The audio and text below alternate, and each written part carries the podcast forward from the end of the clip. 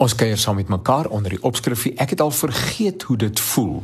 En vandag praat ons oor ek het al vergeet hoe dit voel om naby aan God te wees. 'n Mens se verhouding met die Here is uniek en in sekere opsigte privaat. Immers daar word dinge teenoor God bely wat jy nie vir ander vertel nie. Jy deel jou hart met hom sonder om enige iets terug te hou. Somstyds is jy selfs kwaad vir hom en dis alles deel van die unieke en besondere verhouding wat jy met jou hemelse Vader het. Hy weet tog alles. Waarom sou ons probeer om goed vir hom weg te steek? Die Bybel sê selfs die nag is nie vir hom donker nie.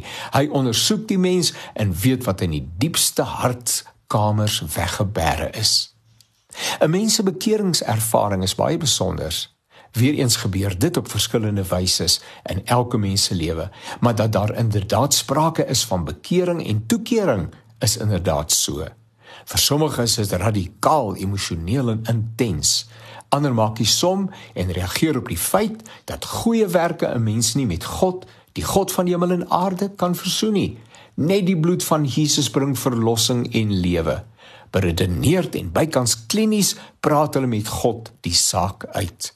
Sommige stap tydens 'n uitnodiging by 'n erediens uit om hulle hart vir die Here te gee. Ander ontmoet hom in die privaatheid van hulle eie binnekamer. Ander word God bewus in die natuur terwyl die grootsheid van dit alles oorweldig. Ander roep om genade van 'n fisiekbed of een of ander traumatiese ervaring. Soveel mense, soveel moontlikhede.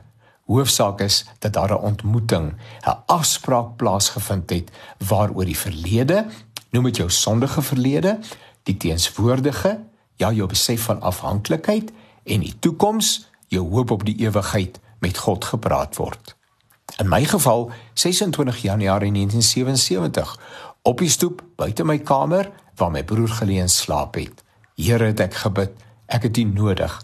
Ek kan nie sonder U lewe nie en ek kan nie sonder U sterwe nie. Maak my U kind.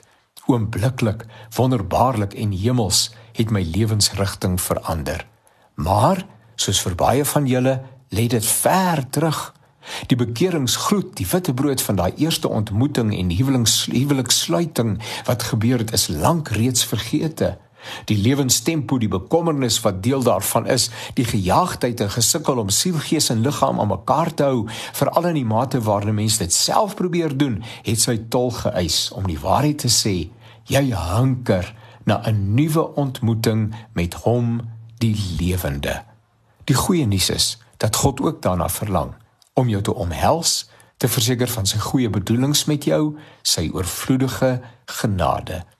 Dis nie te moeilik om weer daar te kom nie. Bely dit, sê dit en vra dit van die Here sommer nou. Jy sê, ek het al vergeet hoe dit voel om naby aan God te wees. Kom terug na hom toe. Kom praat met hom. Hy sal jou weer herstel.